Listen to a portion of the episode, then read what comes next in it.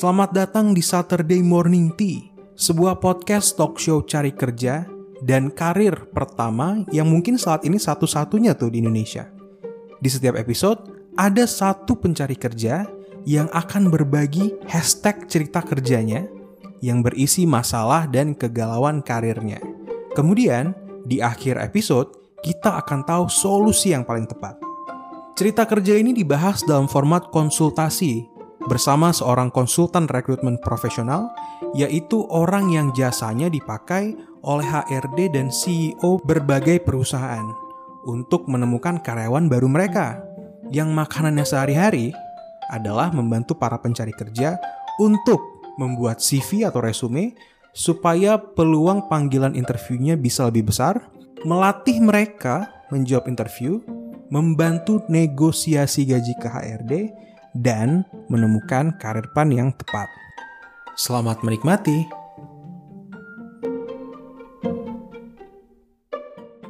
Halo. Halo, sore. Sore Adinda. Maaf, iya, maaf nggak proper. Lagi karantina mandiri aku mas soalnya. Oh gitu? Di mana? Di Jakarta? Enggak, aku di Surabaya. Oh di Surabaya. Oke oke, semoga nggak kenapa-kenapa ya. Iya, mudah-mudahan lah. Soalnya mengantisipasi ya nggak inilah, nggak nggak nggak mengantisipasi hal yang nggak menyen, menyenangkan. Iya, it's okay, it's okay. Santai aja. Gimana gimana, Dinda? Apa yang bisa gue bantu, Dinda? Jadi gini mas, eh apa ber, dari yang CV yang sudah sudah aku kasih itu, saya problematikanya tuh nggak yang gimana ya? Kan kalau ngelihat di grup itu kan eh banyak banget gitu teman-teman itu yang mau share apa aku sih sebenarnya nggak yang gimana gimana maksudnya aku nggak nggak nggak nggak banyak pertanyaan juga. Cuman gini dulu tuh kan pernah uh, kerja tapi nggak lama gitu loh mas. Nah uh, aku tuh sudah interview sama beberapa perusahaan tapi nggak uh, percaya gitu loh sama aku. Karena uh, dikira mereka itu aku punya uh, record yang nggak nggak bagus gitu. Jadi okay. kamu kenapa sih Mbak kok kerjanya baru segitu dan kamu uh, baru baru segitu lamanya dan kamu uh, apa namanya memilih untuk resign gitu. Mm-hmm. Nah kan sebenarnya ma masalah masalah masalah perusahaan yang dulu kan aku juga nggak pingin yang gimana ya nggak pingin ngebahas itu gitu kan itu kan kayak hmm. aku ngomongin hal yang buruk gitu kan. Hmm. Nah, aku pengennya tuh kayak aku mau jelasin tapi gimana caranya supaya mereka tuh percaya kalau aku tuh sebenarnya juga sebenarnya ada masalah sebenarnya sama yang sama yang dulu. Cuman aku nggak mungkin bilang itu gitu loh. Dan aku tuh untuk menyampaikan itu mereka banyak yang nggak percaya gitu loh, Mas. Oke. Okay. Hmm. Gitu terus, sih. Terus? Jadi jadi uh, mereka tuh mesti ngulik-ngulik gitu kayak kayak mereka curiga lah uh, emang um, kamu kenapa kok sampai memilih untuk resign gitu? Benefit apa yang uh, sudah kamu dapat di di sebelumnya itu? Sampai mereka tuh penasaran gitu. Hmm. Terus ini apa namanya? Hmm, uh, masa sih uh, kalau dari dari dari dari benefit yang kamu terima kok kamu sampai harus resign gitu loh? Gitu. Oke, hmm. oke. Okay, oke. Okay. Ya Iya, padahal kan sebenarnya uh, sebelumnya itu kan uh, program gitu kan, program-program MT. Dan itu kan kalau kita ada kesempatan untuk mundur ya kita bisa mundur gitu loh. Betul. Sedangkan ya karena kan ya ya udah deh, aku mau nggak mau harus cerita sih ini sebenarnya. Uh, jadi pekerjaanku itu belum belum lama dari situ itu su sudah nggak sesuai sama kontrak mas gitu loh. Okay. Aku sama teman-teman yang lain tuh sudah mulai ngerasa kok gini ya gitu. Sebenarnya gitu sih. Hmm. Gitu sih, Mas. Okay, okay. Terus akhirnya um, banyak pertimbangan kan. Jadi selama tiga bulan itu uh, aku ini apa namanya uh, evaluasi sama teman-teman sendiri sih. Hmm. Terus ya sudah kalau kayak gini caranya ya kita nggak bisa nggak bisa maksudnya kita nggak bisa nggak bisa nggak bisa menolerir lagi gitu kan harusnya perusahaan ngasih hak seperti ini gitu gitu okay. sih tapi kan itu kan off the record nggak mungkin aku ngomong gitu ke interview yang Oke, akan oke. nanti aku jalani lagi gitu kan mas gitu itu tuh bener-bener bingung aku mas ngomongnya gimana gitu Jadi masalahnya itu uh, udah apply dan udah sampai tahap interview. Berapa kali tuh Iya. interviewnya? oh gagal terus mas makanya aku tuh ya sedih sih mas. Itu juga jadi kayak pergumulan uh, problem buat aku. Jadi waktu itu sempat setelah aku resign dari situ ada dua dua perusahaan. Hmm, Eh, satunya finansial satunya itu eh, MT juga. Oke. itu sama-sama nggak nggak percaya gitu. Hmm, padahal sebenarnya ya gimana ya? Kalau mau jabarin ya nggak enak lah gitu loh. Oke, oke. Nah, Ya, berarti ada, iya. ada berarti intinya ada dua perusahaan yang udah sampai level interview kemudian uh, digagalin gitu ya. Gagal di sana ya, bukan Iya. gagal ya. ya aku juga nggak tahu sih gagalnya mungkin juga ada faktor lain tapi Oh. aku juga merasa bahwa faktor itu juga penting Betul. gitu Oke. Berarti kalau kayak gitu, tar, tanya lagi nih, di, fin- di perusahaan finance itu juga MT bukan? nggak sih cuman staff finance biasa jadi marketing sih mas Oke. gitu Jadi ada dua ya. Setelah keluar dari perusahaan sebelumnya, masuk apply apply terus dapat dua uh, panggilan interview, tapi gagal gara-gara pertanyaan yang sama. Jadi pertanyaannya betul, Mas. Dinda adalah gimana cara uh, kita meyakinkan kalau misalnya bukan karena hal yang mereka takutkan gitu ya, tapi karena memang Iya. memang fair gitu kan, maksud Dinda kan? Kayak gini.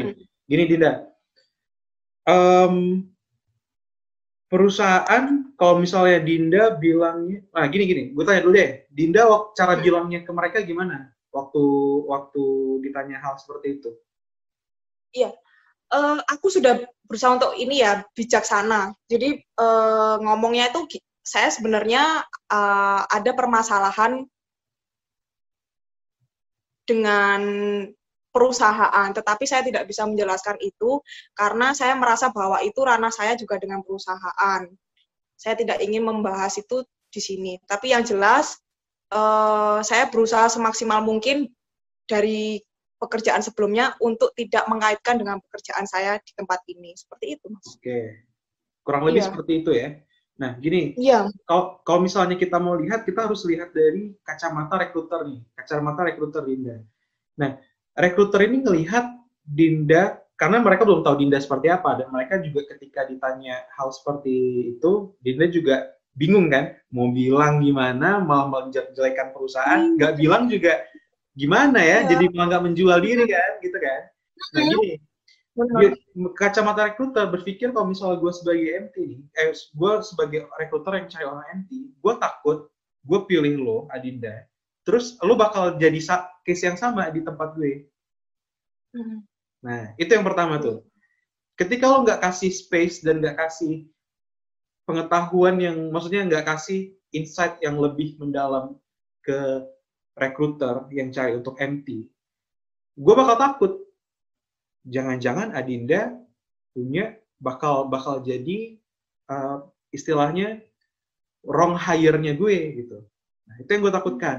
Karena Adinda nggak kasih tahu kalau misalnya ternyata yang terjadi adalah tidak sesuai dengan perjanjian di awal Hmm. gitu. Kalau misalnya Adinda nggak mau kasih tahu detailnya, itu itu oke dan itu adalah hal yang paling bijak. Jadi Dinda nggak usah kasih tahu misalnya detail apa yang berbeda antara kontrak dengan kenyataan, nggak apa-apa. Tapi Dinda bisa kasih tahu, "Eh, Bu, alasan saya keluar dan decide untuk berhenti karena ada hal yang berbeda di awal dan ketika saya masuk Iya. gitu. Kemudian saya tidak masuk dengan culture-nya perusahaan tersebut. Hmm. Kalau saya berada di sana, saya tidak bisa bekerja secara maksimal. Iya. Saya adalah orang yang selalu bekerja secara maksimal. Nah, lu bisa menjual kan? Gitu. Hmm. Kayak gitu Hmm. cara jawabnya. Jadi jangan bilang saya ada perlu ada ada ada permasalahan dengan company sebelumnya. Jangan. Karena jatuhnya tuh kayak ini orang udah datang-datang udah bawa masalah. gitu. Iya sih. Saya Iya. sebenarnya iya, soalnya kan juga sebenarnya agak aku tuh tahu kalau semisal ini itu eh i- ya bukan aku gitu loh maksudku ini pun juga dirasakan sama orang-orang yang sama juga ngelaks- yang melaksanakan MT gitu. Kalau menurut aku ya ini ini juga bukan hal yang aku juga nggak merasa bahwa ini benar, tapi maksudku eh, gimana ya? Ya memang nggak sesuai gitu. Kalau kalau kalau kalau eh, kalau bekerja yang soalnya gini, aku kan habis MT itu kan eh, keterima keterima di perusahaan juga finansial, tapi nggak nggak ada program MT-nya. Memang beda gitu. Kalau program MT itu ya memang ada nggak en- enak nggak enaknya itu memang harus diterima. Tapi ini masalahnya bukan masalah di seperti itu gitu. Masalahnya ini di sistemnya gitu. Nah takutku orang itu berpikir kalau wah nih orang something nih gitu loh kak. Oh, Jadi itu iya jadi ngomongnya tuh apa ya gitu. Mau ngomong ada permasalahan juga. Ya sebenarnya iya. Tapi aku tuh berusaha untuk ayo jangan ngomong gitu, ayo jangan ngomong gitu, nggak nggak boleh, nggak boleh, janganlah, jangan gitu, karena memang ya ya sudah gitu, ya yang dulu gitu, ya sudah dulu, nggak nggak kamu ngapain Ya. ngomong itu ke ke interview yang selanjutnya gitu kan, mereka nggak ngerti, nggak akan ngerti gitu, makanya aku bingung mau ngomong apa gitu sih Iya. sebenarnya. coba coba Dinda eh, dengan sesuai dengan cara tadi sih. Jadi gini, yang Dinda lakukan tuh benar. Jangan sampai membuat mem- membawa masalah yang dulu ke sekarang. Karena apa? Rekruter bakal berpikir, lah ini orang bawa-bawa permasalahan rek- apa tempat yang dulu. Kalau misalnya nanti ini orang keluar, nanti jangan-jangan perus rahasia perusahaan gue dibocorin juga. Nah itu pasti dari short, dari scratch ya, dari coret kan. Nah jadi eh, kasih tahu aja alasannya kenapa nggak sesuai dengan dari awal dan working culture-nya nggak masuk ternyata gitu kan dan de- de- dan ekspektasi awal nggak nggak nggak tercapai yang seperti dijanjikan. Udah Iya. sebatas itu aja sebatas itu aja. Kalau mereka tanya detail jangan kasih tahu. Kalau misalnya tanya detail maksudnya gimana tuh mbak Dinda? Wah itu rah itu itu jatuhnya privasi mereka gitu. Eh, saya Mm-mm. saya saya dengan hormat menolak untuk menjawab pertanyaan tersebut. Kayak gitu. Karena uh, itu akan men- men- menjelekkan nama baik mereka gitu kan. Secara nggak langsung mbak Dinda menjual diri mbak Dinda gitu. Kalau mbak Dinda tuh respect dengan uh, apa namanya rahasia perusahaan gitu Hmm. itu sih coba coba coba nanti next uh, tes kayak gitu karena Iya, karena coba. it's a common common thing Mbak Dinda. Kalau Mbak Dinda tahu, saya ini bekerja sebagai headhunter. Saya bantuin orang-orang untuk pindah, cari kerjaan yang baru, yang lebih baik. Mm-mm. Tahu nggak alasan pertama kenapa mereka pindah? Hmm, nggak nyaman, nggak betah gitu. Nggak betah karena apa? Karena pertama working environment-nya nggak bagus. Oh. Nah, yang kedua, which is itu banyak banget tuh faktornya. Ada dari politik kantor, ada dari Mm-mm. space-nya, space mereka udah udah mati-matian kerja sesuai dengan target. Ketika udah ada target, nggak bisa dapat Work life balance. Iya, nggak balance, nggak ada work life balance. Terus uh, sesu, terus apa yang mereka janjikan di kontrak pertama dan di interview Iya. dan, dan di tanda tangan offer nih, tanda tangan surat kontrak itu nggak terlaksanakan di di kenyataannya. Nah, itu adalah alasan yang sangat wajar kenapa orang itu pindah. Dan itu bukan salahnya kita sebagai kandidat. Dan itu mungkin bukan salahnya perusahaan juga. Karena apa? Bisa jadi manajernya ganti, bisa jadi manajemennya ganti, bisa jadi keadaan yang membuat itu berubah. Iya. Nah. Connect kan kita kan? Iya. eh, jadi si ini si foundernya itu Hmm. juga ikut, tapi bukan bukan itu sih. Itu itu ya ya itu i- masih iya, tapi bukan itu lebih ke sistemnya yang aku mempermasalahkan kan sistem gitu. Ah kok jadi kayak gini ya gitu. Terus ya apa ya? Ya pertama masih oke lah nggak apa-apa gitu. Makin lama kok makin kerasa udah nggak enak ini. Maksudnya sudah bukan sesuai dengan perjanjian awal, dibilangnya seperti ini, seperti ini.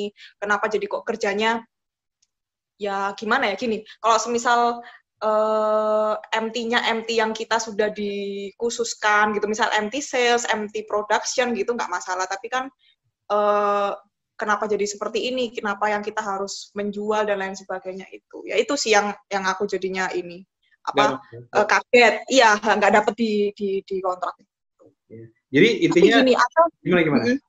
Lanjut lanjut. atau gini mas eh, aku sih sebenarnya sempet sempet sempet sempet mikir ini hayalanku aja sih. Nggak- kalau apa nggak usah dicantumkan aja pengalaman yang cuma sebentar itu gitu kan. Maksudku tuh seperti itu. Apa apa better ya ya aku mengakunya memang pengalaman kerja yang baru ini yang memang aku memang di PHK tapi kan itu itu pure juga bukan salah aku karena memang keadaan seperti ini yang membuat ya membuat uh, membuat kita juga apa namanya jadi korbannya gitu ya okay apa itu gitu yang yang yang bisa aku cantumin. Oke, jadi Mbak Dinda pengen maksudnya berhayal, wondering kalau misalnya apakah apakah itu perlu di take off dari resume apa enggak gitu ya. Nah, gini, itu tergantung value-nya dari Mbak Dinda sendiri. Oke. Okay? Hmm. Kalau value Mbak Dinda, kalau Mbak Dinda merasa Mbak Dinda confidence dan nggak nggak ada gini mbak mbak Dinda keluar dari situ merasa salah nggak? Enggak. Enggak kan? Enggak sih. Enggak, ngapain enggak. takut dan ngapain lihat? Nggak, maksudnya ngapain nggak hmm. ngasih lihat gitu. Kalau kita nggak takut hmm. dan kita memang benar, hmm. semua action yang keluar, semua kata-kata yang keluar, asal ditrain dengan baik, itu bakal bakal komunikasi dengan dengan genuine, mbak. Santai aja. Perusahaan yeah. tuh ngerti kenapa apalagi HR ya, HR tuh ngerti karena mereka kalau rekruter yang yang profesional nih, mereka ngerti kenapa mereka kenapa uh, kandidat orang pindah dari satu perusahaan ke perusahaan lain gitu. Bukan semata-mata mm -hmm. karena mereka jadi job hopper atau mereka buat masalah, nggak semata-mata gitu. Mm -hmm. Tapi pasti ada alasan yang lain gitu. Nggak masalah sih, Mbak. Nah, asalkan ketika interview Mbak Dinda jangan pernah overthinking. Mbak Dinda ini overthinking nih, saya lihat. Ketika interview pasti Mbak Dinda Mbak iya. Dinda overthinking kan? Ketika Mbak Dinda interview pasti, aduh, ditanyain pertanyaan ini lagi. Aduh, parahnya yang paling gue avoid. Iya. Uh, uh, uh. Biarin aja. Kalau misalnya mereka tanya, kita harus confidence. Kita harus tahu kalau misalnya I'm not making any mistakes. Gue nggak buat salah dan memang gue nggak nyaman. That's it gitu. Jadi udah. Nah itu harus di face sendiri sih masalahnya. Harus di face sendiri serius deh. Dan ini kan baru dua kan, tenang aja pasti ada interview-interview selanjutnya gitu. Dan ketika interview selanjutnya datang, pastiin ya udah santai aja. Lo lo tanya apa pun, gue bisa jawab karena gue nggak salah. Kan? Chill aja, chill. siap, siap. Iya sih. Itu lebih ke arah kayak um, jatuhnya kita sendiri yang nggak pede gitu sama diri kita sendiri. Iya dan overthinking nih, Mbak Dinda jangan overthinking, santai aja. kalau misal dia nggak nggak nggak nggak misal gini nih ada perusahaan yang nggak nggak apa namanya nggak terima dengan alasan Mbak Dinda gitu. Jangan-jangan perusahaan itu siapa tahu kan jangan-jangan perusahaan itu bakal melakukan hal yang sama. Udah berarti bukan itu jalannya gitu. kalau misalnya kalau misalnya ada perusahaan yang menerima uh, alasan Mbak Dinda dengan de, dengan cara pembawaan Mbak Dinda yang pede dan nggak nggak takut salah dan santai aja ya udah nggak masalah juga. Berarti dia adalah orang yang tepat perusahaan yang tepat jadi Mbak Dinda nggak bisa please, nggak bisa buat semua orang senang. Pasti ada yang nyambung dengan Mbak Dinda, tenang aja. Paham. Soalnya mungkin gini, Mas, uh, aku juga di waktu-waktu yang kosong ini kan evaluasi. Sebenarnya awalnya nggak nggak terlalu bermasalah dengan hal itu, tapi mungkin karena banyak waktu kosongnya itu yang akhirnya banyak pikiran-pikiran yang masuk gitu, yang apa iya sih kemarin itu aku uh, salah untuk menjawab interview dan lain sebagainya. Gitu. Jadi faktor-faktor yang lain juga sih sebenarnya.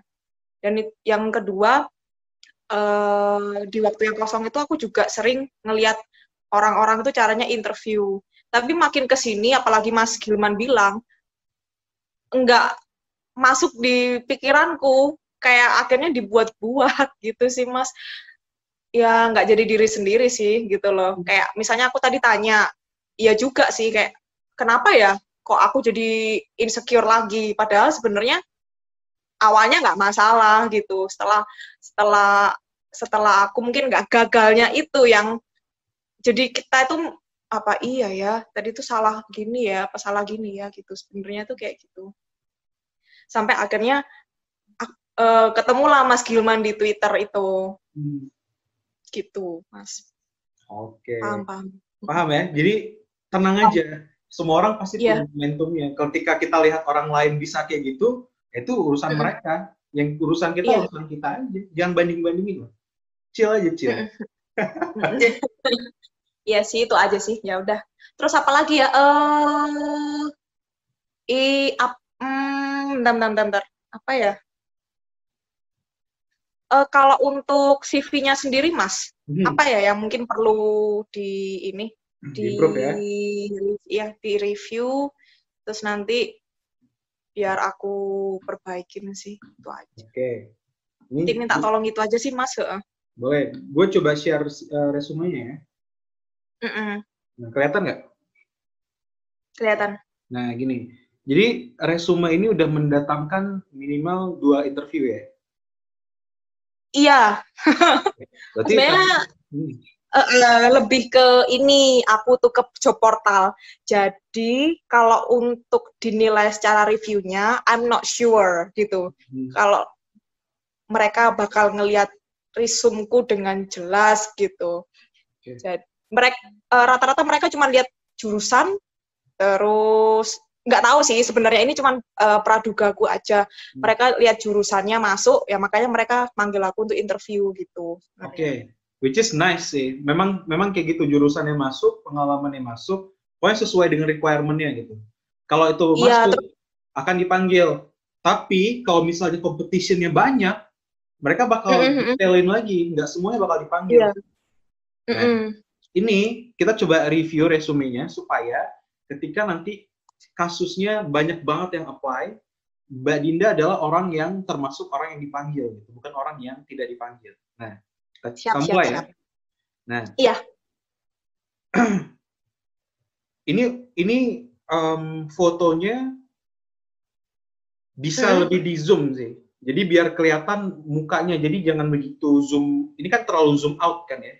Kalau misalnya agak sedikit zoom in, 60% dari foto ini adalah bagian dari muka gitu. Itu itu akan sangat bagus. Bahasanya adalah professional headshot. Mm-mm. Nah, kalau misalnya nanti Mbak. Dinda lihat googling cari sendiri professional headshot itu kayak gimana? Basically tinggal di zoom in aja nih, di zoom in, terus udah kayak gitu juga ada udah udah termasuk professional headshot gitu. Nah, kemudian Aku sambil catat ya, Mas ya. silakan silakan. Oh, aku record aja deh. Aku record aja. Terus habis itu? Nah, oke. Nah, yang kemudian em, Mbak Dinda sudah bekerja kan ya? Udah udah bekerja setahun belum? Belum, belum. Makanya itu yang buat aku tuh ini eh masukinnya di resume ini iya apa enggak yang itu juga termasuk yang awal masuk kerja itu itu yang jadi masalah. Oke. Ini kan berarti summary-nya ya. Ini kita nanti kita kita uh, next dulu nanti kita balik lagi ke sini nih, summary-nya. Nah, Boleh. Terus karena ini termasuknya fresh graduate atau entry level, Mm-mm. bener nih, pertama Iya. kali lihat adalah education. Cuman diganti Mm-mm. nih Mbak, bachelor degree dulu, baru senior high school dulu. Bahkan kalau menurut saya, Oh. senior high school itu nggak perlu, karena orang rekruter nggak lihat sekolah SMA-nya di mana. Mhm. Mereka hanya lihat bachelornya gimana, di, mana, jurusannya apa, GPA-nya berapa, dapat award nggak di sana. Kayak gitu doang. Oke. mm-mm. Oke ya. Kemudian Oke. Nah, kalau misalnya gue sebagai rekruter, gue bakal bingung nih, mau lihat kiri dulu, mau lihat kanan dulu. Mm, Iya kan? mm, mm, mm. Nah, makanya Iya. gue selalu, gue selalu uh, kasih tahu teman-teman, better buat satu resume yang satu section tuh satu aja gitu, satu kolom. Ini kan dua kolom ya jatuhnya kan. Iya. Nah, satu kolom tuh lebih baik karena itu bisa memandu mata rekruter dan bisa jelas gitu. Oh, pertama kali education, pertama kali data diri kan. Habis Mm-mm. itu summary, habis itu Mm-mm. education, habis itu technical Iya. skill, uh, dan Mm. lain-lain gitu. Kalau ini bakal kepecah sih, tapi ini minor, nggak begitu, nggak begitu apa namanya? Kalau dibilang nggak begitu penting sih penting, tapi kalau penting banget bukan jadi hal yang paling penting gitu. Ngerti kan ya? Cuma secara Paham. secara psikologi, secara gua secara ngelihat ini bakal bakal kepecah konsentrasi gue gitu. Nah, setelah education yang benar adalah uh, experience. Ini udah benar nih. Nah, experience-nya itu diurutkan lagi dari yang paling recent, yang paling uh, terakhir gitu. Mm, Oke, Ini kan ini kan Mbak Mbak Dinda dari yang paling dulu kan. mm, mm, mm, Harusnya dari paling mm. terakhir. Gitu. Iya, iya. Nah, terus di ini di apa namanya? di didetailin, Mbak. Didetailin misalnya Mm-mm. di, di PT Gudang Garam TBK gitu. Ketika Mhm. operating CNC and fresh machine ini operatingnya kayak gimana tuh? Hmm, ya Mis- lebih dijabarin lagi ya. Iya, lebih dijabarin lagi plus ditambahin angkanya. Misal learning the machinery process at the workshop gitu. Itu kayak gitu kan. Tapi Oh, Oke Iya. oke oke. tapi jangan begitu deskriptif. Lebih baik eh, lugas saja, tapi ada angkanya. Oh. Kita coba di Oke. sini ya, di, di BFI Finance ya. Mm-mm. Misal nih, di di BFI Finance getting and maintaining agent to be the partnership. Ini maksudnya gimana nih?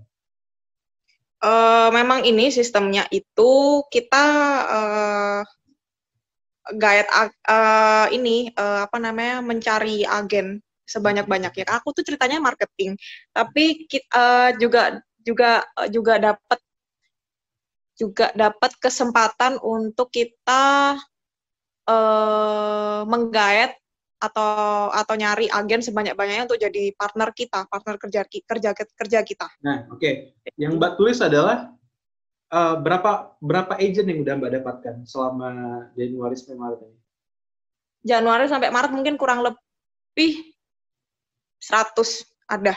100 Lebih ada. dari 100 ada. Mm-mm, ada. Ya udah. Berarti yang ditulis adalah getting more than 100 agent and maintain maintaining them to be the partner of BFI Finance Indonesia. Oh. Kasih tahu angkanya. Nah, itu Mm-mm. yang pertama kan. Kedua, planning sales and activity. Apa nih? Mm. Cuman planning sales dan activity aja. Mm, weekly, terus monthly, Nah, harian juga iya sih Nah. sebenarnya. tulis Ya, pokoknya Hmm. mm-mm. planning monthly, weekly, and daily sales activity for 100 agent itu termasuk juga nggak? Apa beda lagi? Eh, beda, beda, Beda beda. ya, Kalau sales eh, individual beda, ya? beda. Individual. ya? Mm-mm. Nah, dari Mm-mm. situ uh, berapa persen uh, sales uh, sales achievement yang Mbak dapatkan? Hmm, Kan ada target kan? Iya. Untuk yang bul eh, ini ngomongin angka juga ya Mas ya, nggak apa-apa ya. Nggak apa. Eh, kalau yang pertama itu seharusnya targetnya 60% sales Hmm. dan eh, pokoknya penilaiannya itu ada 60% sales dan aku tuh masih bu- belum bisa memenuhi. Jadi aku masih setengahnya apa ya aku sudah udah lupa juga sih. Pokoknya yang terakhir ketika aku eh, sebelum di PHK pokoknya bulan terakhir berarti bulan Maret ya itu sudah nyampe. Ap- bulan bulan Januarinya kayaknya nggak nyampe aku. Oke. Februari nyampe Februari Maret nyampe Februari Maret nyampe ya. Tulis Februari Maret. Nah, Iya, itu kan KPI-nya pokoknya 60% sales. Nah, itu aku 60% salesnya aku memenuhi itu. Pokoknya intinya gitu. Gini, tulis achieve sales target 100 100% sales target in February and March ya. gitu. Kalau misalnya lebih dari 100% bilang lebih dari 100%. Jadi gini Oh, intinya gini Mbak, di direct selling juga nanti Mbak tulis gitu kan detail dan angkanya. Mm-mm. Intinya gini, kita kami rekruter tuh pengen tahu Mbak Mbak Dinda tuh bukan orang yang biasa aja. gitu. Mbak Dinda tuh adalah orang yang achieve target. Mbak Dinda adalah orang yang komitmen dengan target.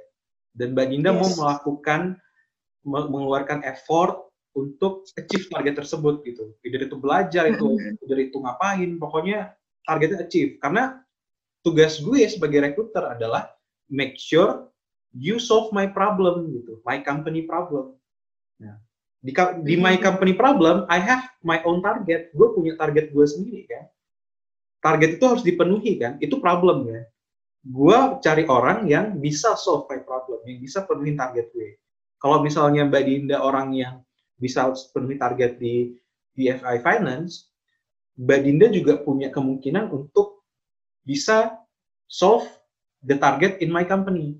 Nah, jadi dapat kita klik nih. Makanya gue pengen coba telepon Mbak Dinda. Kayak gitu. Gitu. Itu serunya sih. Kalau misalnya ada angka, kita rekruter tuh jelas tahu gitu. Uh, ini memang uh, orang ini memang stand out gitu kan. Nah, Iya. di sinilah kita balik lagi ya ke ke ke summary ya. Kalau misalnya Mbak Dinda uh, apply untuk posisi sales atau marketing, tulis di sini. I have apa namanya experience in marketing and sales achieving 100% straight two months gitu.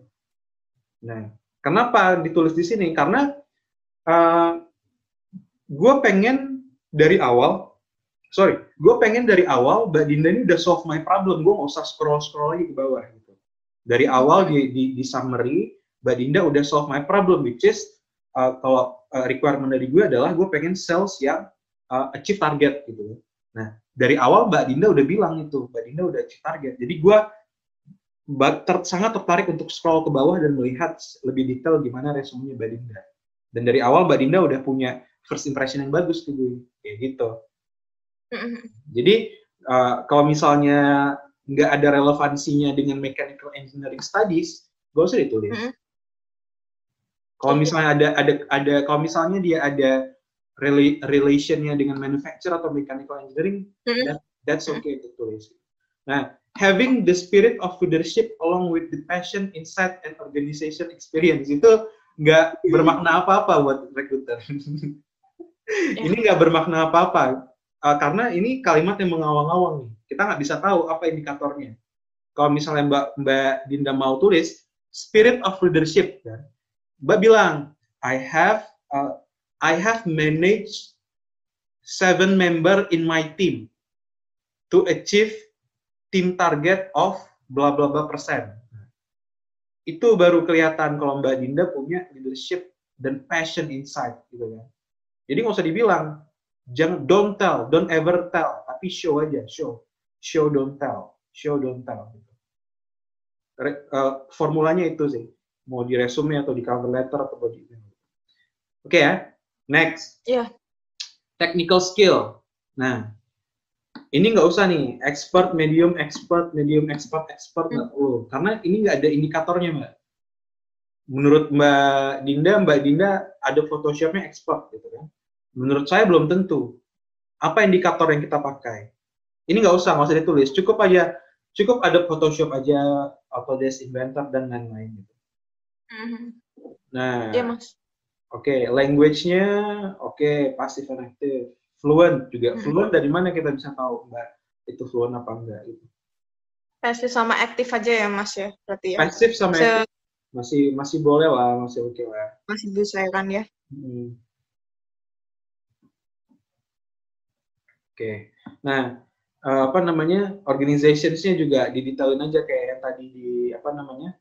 Di work experience itu. Kalau misalnya organizationnya sebagai event maker and planner, ini kayak IO gitu ya berarti ya? Iya. Oke. Okay. Nah, program IO-nya waktu waktu masih di kampus dulu. Gak masalah. Ya, Mas. PKM hmm. mesin ini tuh uh, event untuk berapa orang? aduh berapa orangnya itu pokoknya ajang nasional mas jadi nasional, setiap ya? kampus harus tulis iya. Tulis. Nasional harus tulis lupa berapa pesertanya. Eh ratusan sih pokoknya setiap kampus di seluruh Indonesia. Lebih baik negeri maupun swasta lebih dari seratus nggak? Kenapa? Aduh berapa kampus enggak lebih dari uh, peserta nggak? Oh lebih dong. Lebih dari lima uh, aduh. Satu ini satu satu gedungnya untuk wisuda. Pokoknya waktu itu dikumpulin jadi satu. Penuh. Sampai luar-luar gitu. Itu berarti berapa sih? sampai itu tempatnya wisuda yang tempatnya tempatnya anak-anak wisuda itu kira-kira berapa sih? Berapa orang sih? Yang tahu itu segitu. ya itu aku lupa. Aku nah. udah lupa mas. Kalau misalnya nggak tahu spesifiknya, Mbak Dinda bisa bilang di atas 300 peserta atau di bawah lima, uh, jangan di bawah sih, di atas 500, di atas 300. Yang yang yang penting datanya konkret dan spesifik gitu. Gitu sih. Hmm, ya nanti ya riset dulu lah itu kalau itu ya biar ya, nanti gampang lah. lihat aja di Google ada. Uh, uh, bener bener. Gitu. Jadi intinya detail sih. Gitu. Detail dan Mbak Dinda harus bilang itu national national scale gitu bukan ece-ece gitu. Dinda udah pernah jadi IO, mengumpulkan semua kampus, ada berapa kampus tulis juga detailnya. Terus itu national scale gitu kan. Gak semua orang punya pengalaman kayak gitu Dinda. Yeah. Dan punya responsibility kayak gitu. Nah itu ditulis. Itu sih basically. Sisanya sih udah oke. Okay. Tulis alamatnya juga nggak begitu ini, nggak begitu detail, ini udah oke okay banget. Sama uh, saya, uh, gue mau kasih pendapat kalau misalnya ada gini-ginian nih, mungkin banyak nih merah-merah terus table-table gitu kan ya apa? Iya, heeh. Kalau misalnya Mbak Dini apply ke website perusahaan tuh agak akan akan agak susah tuh dibaca dengan ATS, Applicant Tracking System. Takutnya nggak kebaca gitu. Ini juga nih ada ada logo-logo Map sama LinkedIn kan. Takutnya nggak kebaca. Hmm. Tapi kalau misalnya Hmm. email pribadi ke email recruiter nggak masalah. Gitu. Itu aja sih. Jadi kalau misalnya mau ke email, kalau misalnya mau ke web perusahaan, better jangan pakai gambar. Makanya kalau di job portal itu nggak ada nggak nggak nggak disuruh upload ini kan, ada disuruh upload sih, upload sih. Cuman pasti disuruh uh, isi form-formnya mereka kan. Iya, iya itu itu sampai yang bikin panjang itu sebenarnya. Iya, karena apa? Karena Hmm. karena kita orang-orang Indonesia ini masih nggak ngerti cara buat resume yang benar gitu. Seharusnya nggak nggak Hmm. perlu ada na- yang namanya gambar, logo, warna-warni, nggak perlu, Oh, perlu banget gitu. Dia cukup yang hitam putih tapi teratur rapi, enak dilihat dan punya banyak white space. Udah cukup. Itu yang profesional kayak gitu tuh. Gue pernah handle uh, proposisi CEO, literally CEO, dan resume seperti itu nggak nggak nggak ada yang gimana gimana kecuali mungkin dia industrinya eh, ini kan grafik atau startup atau yang yang keren oh, itu, itu mm-mm. masih Jadi- tolerable lah masih ada iya. touch dan style dari si desainnya itu kreativitasnya itu gitu sih. Sisanya udah oke Iya sih. sih. Mm-mm. nah sekarang nih ada mau apply di ini nggak? Apply sesuatu nggak? Apakah ada Nunggu, yang mau di apply nggak? Nunggu sih, yang ngeplay tetap, cuman sambil nunggu juga ada yang apa online online online assessment sama interview online. Oke. sih praise the Lord. Mm-mm. nah, siap-siap tuh interviewnya. Jangan takut santai aja. Iya. I- gimana ya? eh itu sih kan insecure-nya itu tuh loh, Mas. Itu tuh sampai sekarang masih masih masih masih kebayang gitu. Ada sempet rasa kesel sebenarnya ya sama yang pernah interview gitu. Soalnya gini, apaan sih orang gimana gimana gitu loh. Itu dia tuh kayak bener-bener nggak nggak nggak percaya banget gitu tuh. Padahal dia tuh sudah sudah apa ya levelnya itu udah di bawahnya BOD aku nggak ngerti itu apalah. Hmm. gitu. Terus dia terus dia bilang gitu apa namanya bilangnya tapi saya nggak percaya mbak gitu. Saya mengenal baik yang punya nggak masalah ya kenapa bawa-bawa yang punya? Aku udah mbak. Itu masalahnya dia bukan masalahnya mbak Dinda biarin aja. Iya. Iya tapi yang kalau nggak tahu ya apa karena dia ada cerita seperti itu apakah itu yang melatar belakangi akhirnya aku nggak lolos gitu tapi ya udah gitu maksudnya ya udahlah ya gitu cuman emang kesel sih maksudnya ya harusnya pertanyaan itu juga nggak nggak perlu dia juga lontarin gitu loh kenapa kenapa Nah, dia ngomong gitu gini, gitu sih Gini Mbak Dinda. Mbak Dinda bakal mendapatkan banyak hal seperti itu. Seiring Hmm. jalannya waktu Mbak Dinda berkarir ke, ke menjadi seorang apa namanya manajer atau direktur, banyak banget. Kalau misalnya Mbak Dinda fokus ke hal-hal yang eksternal yang bisa kita kontrol kayak gitu, uh pusing Mbak, serius, pusing. Hmm. Dan kita nggak bisa kerja. Karena kita mikir hal itu. Udah bodoh amat, bodoh amat dengan hal kayak gitu, mending kita fokus ke hal yang bisa kita kontrol aja. Hal yang bisa kita kontrol kita apply resume yang tepat. Kita belajar interview dengan baik. Kalau misalnya dia dia nggak bener nanyanya ya udah biarin aja kita cari yang lain kalau nggak mah pusing pusing sendiri. Biarin aja udah yang udah lewat udah. nanti kerja juga gitu. Pasti ada aja orang nyinyir ke Mbak Dinda gitu kan. Apaan sih gitu. Kalau misal Mbak Dinda fokus dengan mereka kelar kerjaan nggak akan kelar. Ujung-ujung Mbak Dinda nggak perform. Biarin aja mereka. Gitu. Tapi nggak apa-apa itu berproses sih. Pelan-pelan pasti bisa. Sip, itu sih mas. Nanti kalau semisal udah aku update lagi tan- ntar ini ya mas tolong tolong nilai lagi ya mas ya nggak apa-apa kan ya? Oh justru itu ntar sesi kedua kita ke sana. Iya. Oke ini sip ini nanti after ini ya. Udah itu aja ya? Ini udah ke udah lewat waktunya nggak sih? Udah ya? Udah udah. Udah aduh thank you mas. Eh, maaf Sip. ya. Sama-sama. Have a good day ya, Dinda ya. You have a good day too. Hmm.